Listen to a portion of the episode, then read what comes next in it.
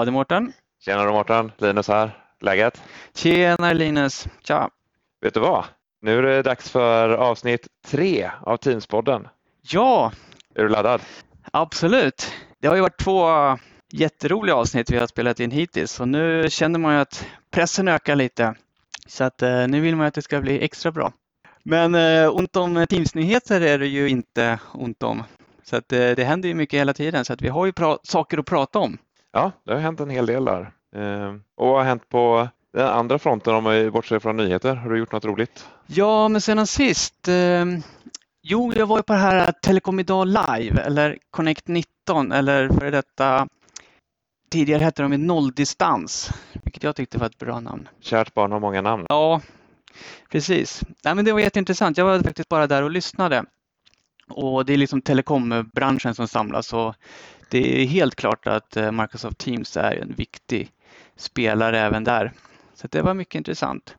Ja, jag har ju eh, producerat lite bloggartiklar här när jag skrivit om lite nyheter där man kan fördjupa sig lite på min sajt eh, lynk.se. Gammalt namn Mm. som lever kvar. Ja, jag försöker skriva lite mer detaljerat om de funktionerna som kommer Mm. i Teams. Ja, men det är jättebra. Ja. Lite kommer vi nämna lite senare här när vi går in i nyhetssegmentet. Precis, och då finns det lite mera info där som man kan fördjupa sig i. Men jag har ju också sen sist varit med på en sån här bug bash. Vad är det för något? Jo, eh, Microsoft utvecklingsavdelning eller produktteamet där bjuder in eh, MVPer och, och annan sån löst folk, höll jag på att säga. Men där man liksom samlas och liksom tillsammans felsöker, testar ett specifikt område. Liksom. Vad funkar, vad funkar inte? Vad är, vad är bra och vad är dåligt och sådär. Vad är, det nu? är det något speciellt ni har testat nu eller? Ja, den här gången var det liksom federering i Teams då, mellan olika teams i, ja, och så finns det de här olika ringar som de kallar det, alltså hur snabbt man får nya uppdateringar.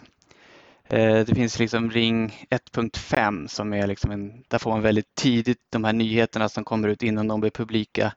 Och så finns det ring 3 som är nästa steg där det är liksom flera folk inne men ändå fortfarande förhandsvisning av det som ska komma. Och ring 4 brukar man säga det är det som är liksom det som är GA, General Availability, det som släpps till den stora massan. Och då var vi där och testade lite olika tenants och olika användare i de olika ringarna och så vad som funkade och vad som inte funkade just vad gäller federering. Och jag får inte avslöja vad, vad vi kom fram till men det, det finns lite, lite områden för Microsoft att jobba på där innan federeringsupplevelsen blir lika bra och smidig som man är van vid från eh, Sky for Business.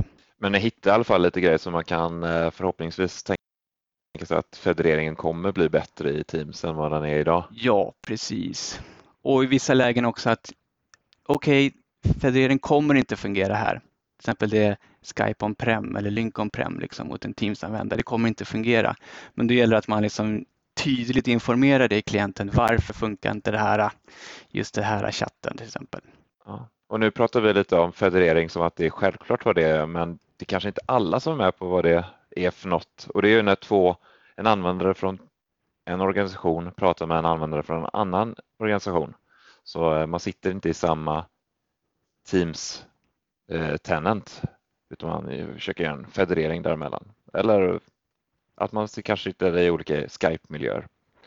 Det är också federering som gör det däremellan.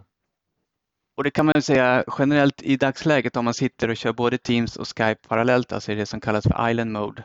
Och det kommer in en federerad chatt oavsett vad de har på andra sidan om de sitter i Teams. Då kommer det komma till din Skype for Business-klient. Så länge du inte är i Teams only. Det kan vara bra att tänka på för det kan upplevas väldigt förvirrande. Det är mycket i, när man kör island mode som kan upplevas förvirrande. Men Mm. framförallt det här med federering. Ja, Vi brukar ju rekommendera att man inte ska köra island mode för länge. precis. Det var ju den rekommenderade approachen från början, att man skulle köra i Island Mode. Men jag tror även att eh, Microsoft börjar inse att det är inte det optimala, optimala läget att vara kvar i så att Ja, det är säga. skönt att de har börjat lyssna på oss och inser det att det inte är helt perfekt att ligga i island mode. Det är jättebra när man ska testa och utvärdera och liksom som en del i resan mot Teams Only. Men eh, rekommendationen är som Linus säger att liksom, stanna inte kvar i island mode utan Mm. ta er ur där så fort som möjligt. Ja, Och det är en sak vi skulle kunna diskutera mer om eh, på plats när vi ska köra vårt SUK-möte den 12 juni. Jajamensan. Svenska UC-klubben. Ja, det är ju det är ju inte där vi, en klubb, vi som suger samlas. Nej, snarare tvärtom skulle jag säga. Exakt. Så att, nej, men den eh, startade ju du och jag tillsammans med Tommy och Martin upp här i början på året kan man väl säga. Mm, en liten återstart får jag säga att det var. Ja, det var nog exakt vad det var. Eh, Senaste mötet hade vi 2011 om jag inte kommer ihåg fel. Men eh, vi, vi träffas, vi har lite eh, kortare föreläsningar om eh, det som intresserar oss i form av eh, UC, i form av eh, Teams och kanske lite Skype.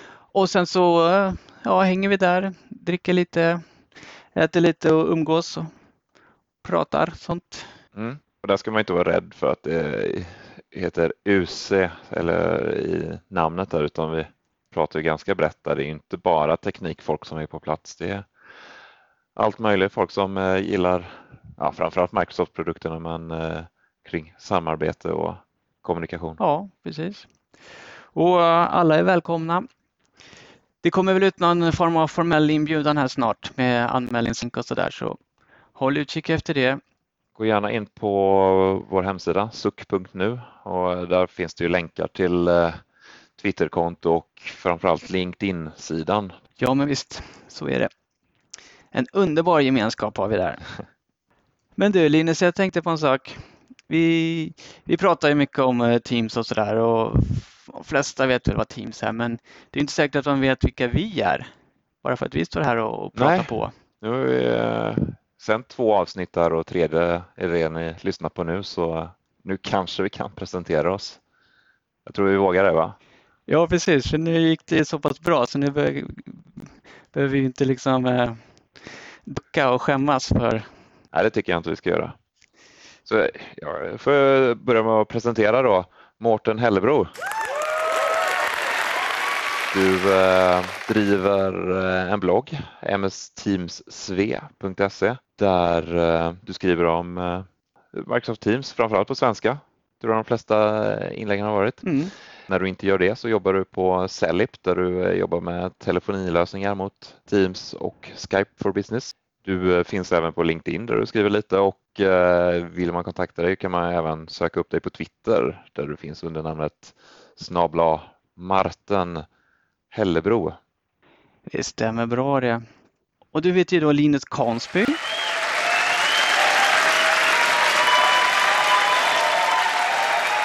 Seniorkonsult på Uclarity.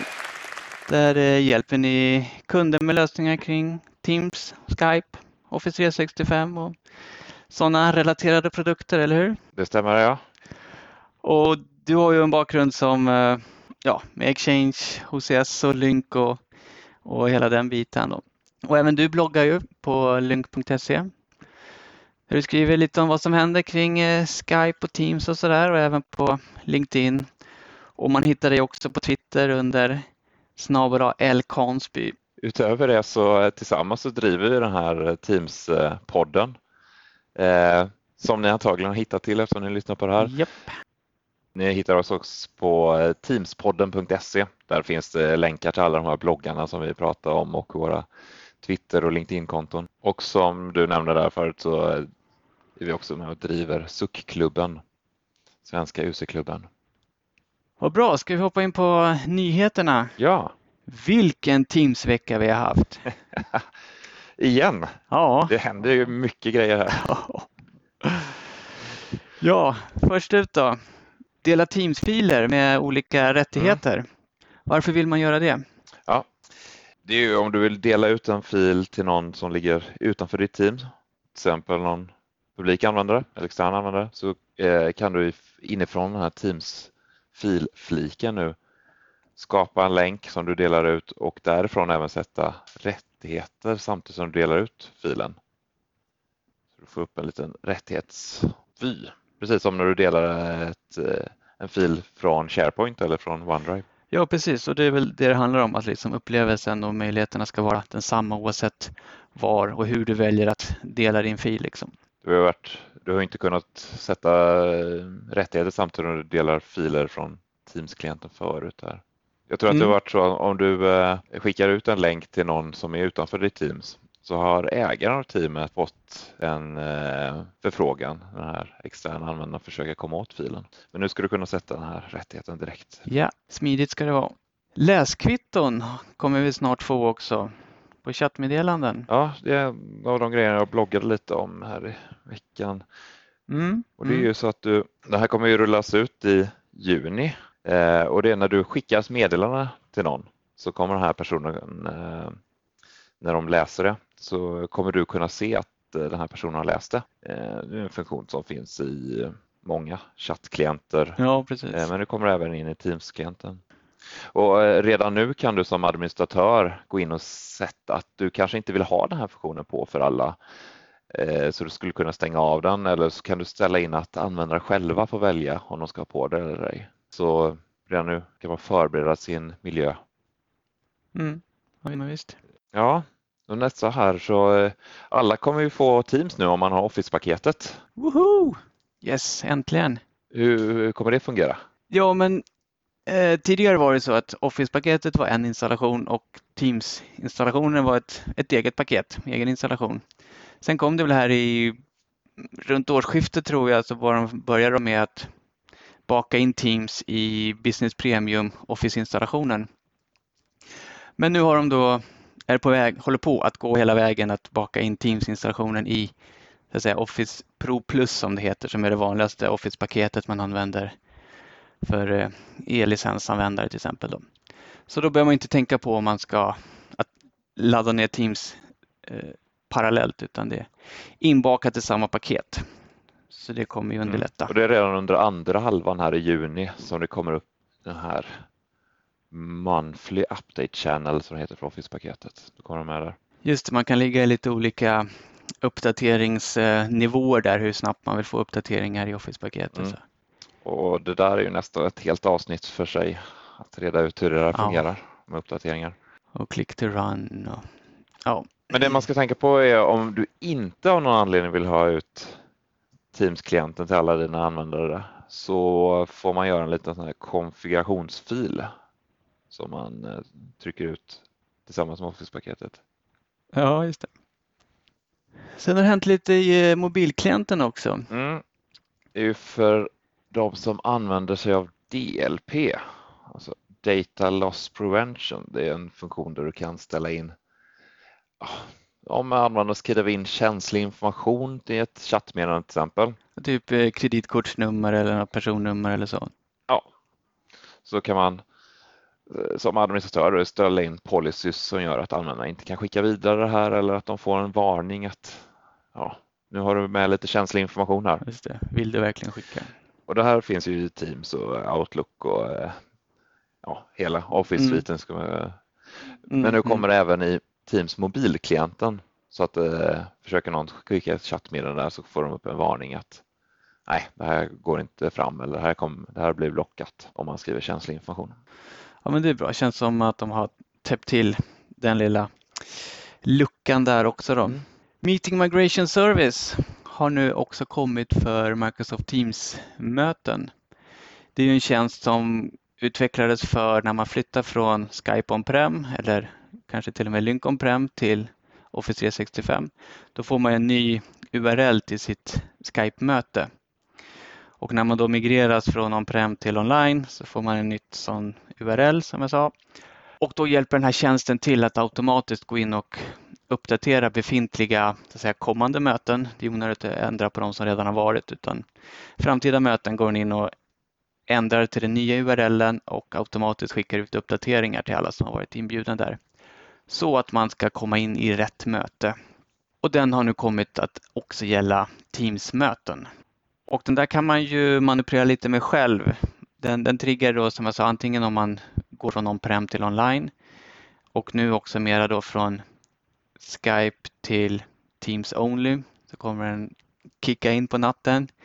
Eh, men det går också att köra den med, med PowerShell själv då om det har missats någonstans eller om man vill eh, kicka igång den tidigare. Det är väl också så Linus att om man hade ändrat sin eh, dial-in information, alltså för att kunna ringa in till mötet, då hade den också kickat in och uppdaterat länkar, eller hur? Ja, så jag förstår det ska den göra det. Ja. Mm. Så det är bra att den kommer till Teams nu också. Ja. Och den går igenom alla användares mailboxar och uppdaterar dem och skickar ut uppdateringar som du sa. Så det är en Mm. riktigt bra tjänst som de har gjort som, som fungerar. Mm. Det man ska tänka på är kanske om man uppgraderar ett helt företag över natten eller över helgen. Då kanske man har väldigt många mötesuppdateringsmail i sin inkorg när man kommer tillbaka morgonen efter. Ja, och, och som eh, standard kan man säga att det tar ungefär två timmar från att du har triggat igång det här tills att eh, mötena börjar migreras. Så eh, flyttar, byter du mode på en användare till Teams Only så ser du inte uppdateringarna direkt. Nej, just det. Sen en annan lite intressant grej är att man kommer rulla ut någonting de kallar Per Team Analytics Mhm. och Cross Team Analytics där man som användare kunde komma få eh, lite fina grafer på hur det ser ut i ditt team, på till exempel hur många, hur många som verkligen använder hur många aktiva användare du har. Så eh, man får lite, lite ana, analysinformation och Mm. kolla direkt i ett team. Ja, men det är alltid bra. Det kan vara intressant. Absolut. Du lyssnar på Teams-podden där jag, Mårten och Linus pratar om Teams. Sen har det hänt en hel del på telefonifronten också. Music on hold. Alltså du som använder får ett samtal som du pausar för att du ska prata med någon kollega eller kanske ska koppla vidare till någon. Då har du nu snart möjlighet att få musik till den som väntar. Tidigare har det bara varit tyst, vilket inte har varit helt optimalt. Nej, det är ju inte jätteroligt att sitta och vänta när det är tyst. Då tror man ju att det är något som gått fel. Ja, men precis. Men sen har vi två stora puckar här då. Call queues och auto attendant. Mm. Kan vi lite snabbt bara gå igenom vad det är och sen liksom vilka inställningar man har och sådär så att vi reder ut begreppen lite grann. Jag brukar börja med att förklara autoattendent. För det tänker jag det är det första man kommer till. Eh, den, där sätter man eh, öppettider. Alltså under vilka tider på dygnet ska eh, den svara. Och är det liksom öppet så kan man göra vissa saker och är det utanför öppettider så kan man spela ett voice, ett, ett, är det utanför öppettider så kan den spela ett meddelande om att det är stängt eller man kan vidarekoppla till någon, något annat nummer eller så. Men är det öppet så kommer man in och man kan spela välkomstmeddelanden, man kan få menyval. Tryck 1 för att komma till support och 2 för att komma till sälj och så vidare. Och här kan man också lägga in eh, speciella öppettider för till exempel eh, eh helgdagar, eh, sådana holidays som det heter på engelska. Och då de här olika knappvalen, då kan man eh, antingen koppla ut direkt till en person som sitter och svarar på det här. Och då ser man att det kommer från den här eh, autoattendent eh, och vem som har ringt. Eller så kan man välja att koppla det till en eh, call queue, alltså en kö. Och Linus ska berätta om vad en eh, call queue är för något. Ja, det är ju eh, ja, det är väl en en köfunktion som är ganska enkel här. Det du gör, du sätter en grupp som är, innehåller vilka agenter som ska kunna svara på det här gruppnumret. Eh, När du, den som ringer in ringer till det här eh, numret, då eh, kan man spela upp en liten hälsningsfras. Hej och välkommen till vårt bolag. Eh, användaren eh, placeras sedan i en kö där, du- där du kan ha en egen musikfil om du skulle vilja eller en, eh, en musikfil som eh, Microsoft har tillhandahållit. Det är um, det är sån här Music on hold som vi pratade om. Sen eh, skickas det här samtalet till en ledig agent så fort de blir tillgängliga. Då finns det ju tre stycken sätt att eh, skicka samtal till agenten. Antingen kan man ha någonting som heter attendant routing, då ringer du på alla, alla inloggade agenter samtidigt. Alla samtidigt, den som är snabbast svarar. Ja. Eller så kan du ha serial routing, då ringer efter en förbestämd lista, att den ringer på agent 1 först och agent 2 sen. Eller så kör man round robin, att den bara skickar ett samtal till vem som helst i den här kön utan någon speciell ordning. Det finns även möjlighet för agenter att kunna logga ut ur kön eller logga in ur kön. Eh, så man gör det här från en webbinterface. Den är ju inte helt smidig kan jag ju villigt erkänna. Nej, den skulle de eh, kunna förbättra. Mm. Men eh, möjligheten finns. Precis, precis. Och sen kan du ställa in på eh, hur länge du ska ringa på varje agent. Så eh, har du den här serierouten kan du välja att du ringer på agent 1 först i 30 sekunder och sen nästa i 30 sekunder och så vidare. Och om någon inte skulle svara på samtalet så har du möjlighet att koppla vidare till, eh, till något annat till exempel till, tillbaka till en uh, autoattendant eller till uh, en annan call queue. Ja, eller en annan person. Här har jag sett att det finns lite nackdelar. Det är många som vill ha den här overflow-funktionaliteten, alltså när, när ingen agent har svarat på ett antal minuter, att man vill ha det skickat till ett mm. externt nummer, till exempel till någon mobiltelefon eller till en röstbrevlåda. Eh, den möjligheten finns inte. Det man kan göra är att man lägger upp en, en dummy-användare, alltså en användare som ingen loggar in på. Men den i sin tur har en röstbrevlåda påslaget eller att den har call forwarding påslaget så att eh, den användarens samtal går vidare till det här externa numret. Det man ska tänka på är att i en call queue, eh, de användarna som är där, eh, samtalen som tilldelas dem från den här call queuen kommer aldrig hamna i deras voicemail. Utan det är den intelligent nog att förstå att den inte ska komma dit. Och på samma sätt så kommer den inte heller att använda sig av om klienten har ställt in att den ska ringa samtidigt eller vidarekopplat till en mobiltelefon eller sådär. Det kommer man helt strunta i för att inte riskera att de inkommande samtalen till exempel till ett växelnummer hamnar i någons personliga voicemail eller mobilsvar någonstans. Eh, ja, en ganska ny grej med de här är ju att du kan använda sådana här direct routing-nummer till call queues och autoattendant. För tidigare var det bara så här servicenummer som Microsoft tillhandahöll som man kunde använda till de här funktionerna. Men nu kan du via din direct routing-uppsättning få in samtal till eh, dina call queues och autoattendants. Ja, för det var ju lite knasigt förut att oftast vill man ju ha till exempel sitt företagets växelnummer som en sån autoattendant eller call queue. Om man då inte kunde använda befintliga växelnumret så var det ju lite, lite konstig lösning. Visst, det, det gick att lösa med vidarekoppling och så där på operatörssidan. Det har vi gjort i flera fall, men nu är det jättebra att man kan ha ens egna nummer till de här både köerna och autoattendant. Och du hade, du hade meckat lite med det här Linus, eller hur? Det var inte så, så lätt i början, eller? Nej, jag stötte på lite problem där att eh, samtalen som kom in på eh, den här Direct Routing SBCn de eh, kom inte fram till den här kön jag hade satt upp, eh, fick ett fel tillbaka. Mm. Efter några vändor hos Microsoft Support så började det fungera efter några dagar. Så eh, får man inte det att fungera vid första tillfället så kontakta Microsoft Support så kommer de kunna hjälpa till. Eller vänta några dagar så kanske det kickar igång av sig själv i bakgrunden. Ja, man är inte jättesugen på att vänta några dagar och se om det löser sig men Ibland, ibland är det det som, som behövs. Så innan vi lämnar CallQs och AutoAttendant så har de vissa saker gemensamt. Båda kan ha så här välkomstmeddelanden och båda kan koppla samtalen vidare, även om det är på lite olika sätt.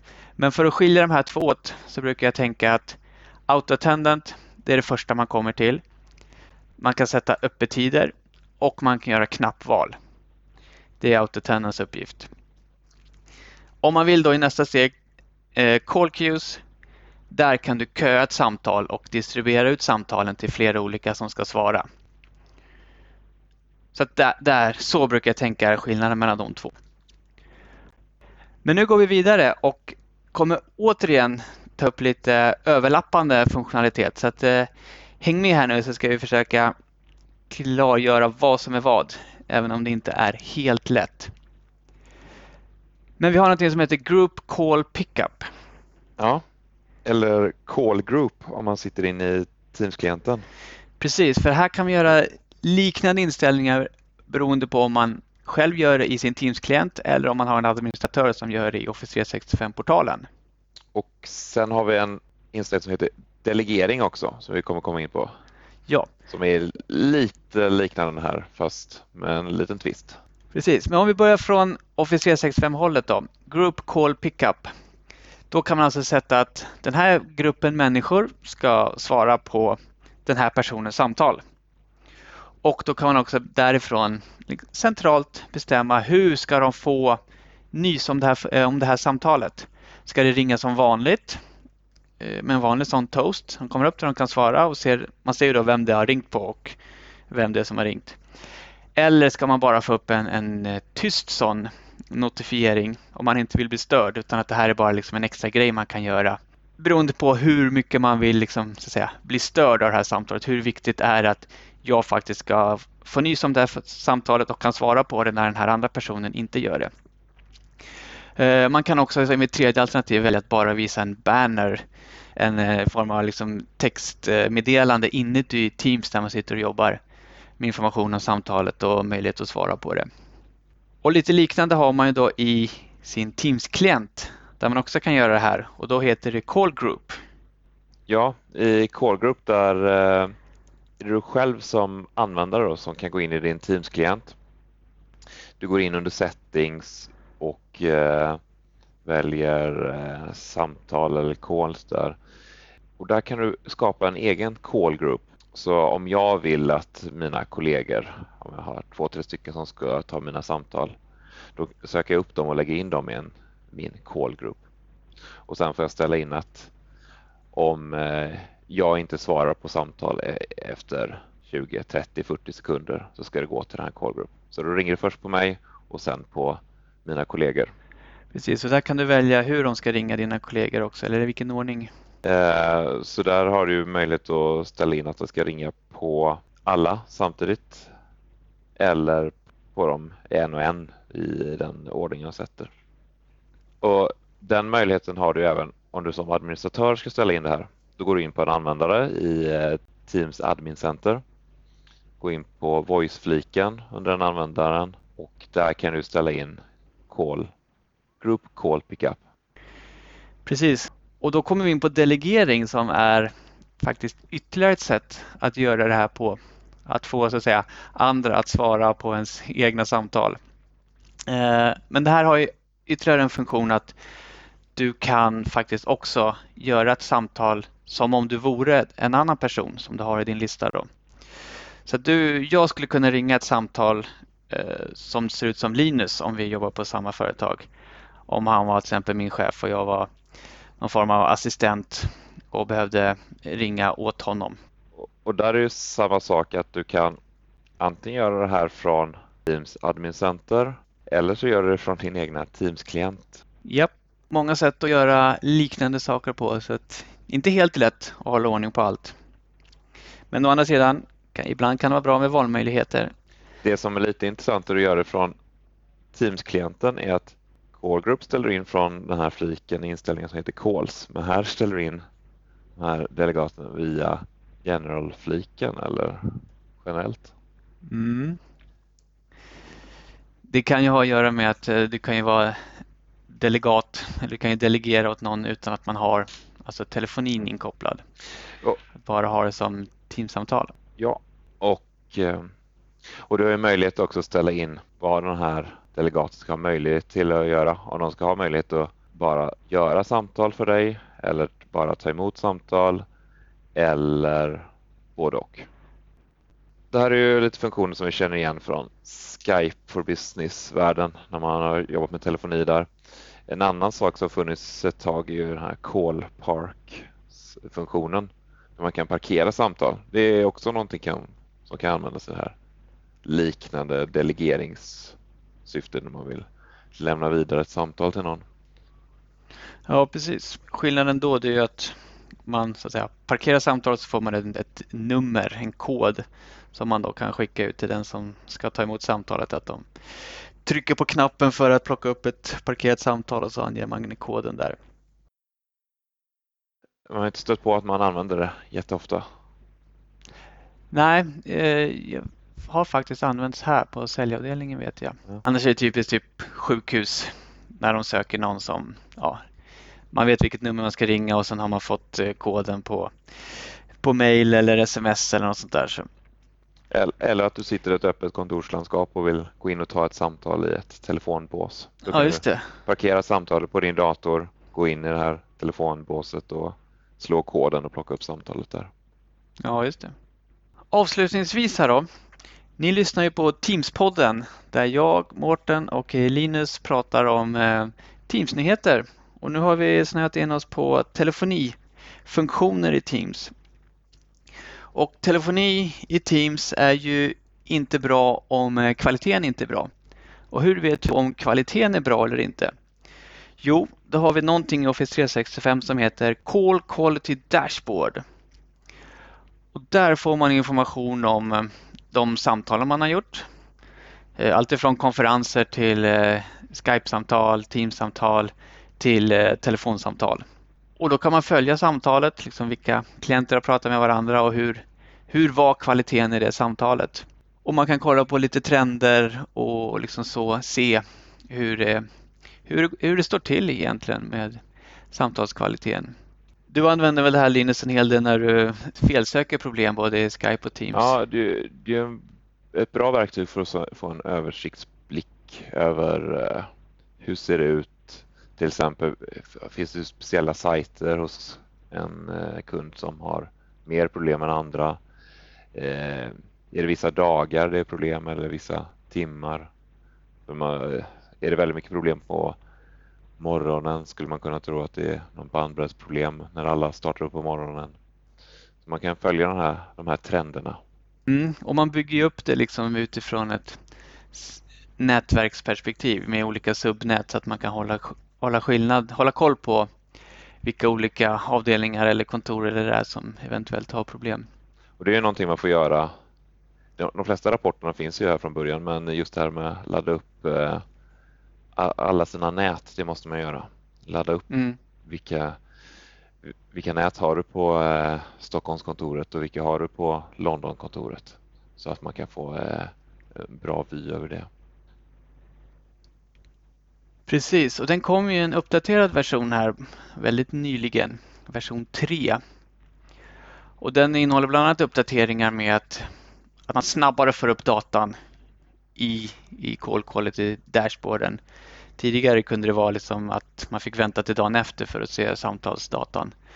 Men nu är det som de säger nästan realtidsuppladdning vilket kan vara upp till 30 minuter. Nästan realtid. Precis, vi som jobbar med realtidskommunikation är ju kanske inte riktigt bekväma med nästan realtid på upp till 30 minuter. Men det är i alla fall en stor förbättring mot tidigare. Plus att nu kan man också få upp on-prem data upp till eh, Call Quality Dashboard i Office 365 så att man kan få in både on-prem samtal och även online-samtal. Så att man får in det i samma rapport och kan felsöka på samma sätt. Och eh, det kräver ju då att man kör Skype for Business Server 2019 för att få upp de här, eh, den här datan till CQD i Office 365. Ja, precis. Man sätter upp en connector där. Så det var en hel del eh, nyheter även eh, till detta avsnitt. Ja, det är ju roligt att det händer grejer. Ja, men verkligen. Och då har vi ändå inte fått med allt. Nej. Känner jag. Men det blir ju fler avsnitt framöver här. Vi finns ju på sociala medier som vi har sagt tidigare men eh, ni kan också kontakta oss på mail. Hej teamspodden.se eh, om ni har några frågor eller kommentarer. Ja, där finns vi. Och så får vi väl eh, påminna om eh, SUC SUC-klubbsträffen här 12 juni. Håll utkik efter eh, inbjudan på de sociala medierna. Ja, och med det tackar vi för oss och så hörs vi om några veckor här igen. Tack för att ni lyssnar. Tack för att ni lyssnar. Team Salum.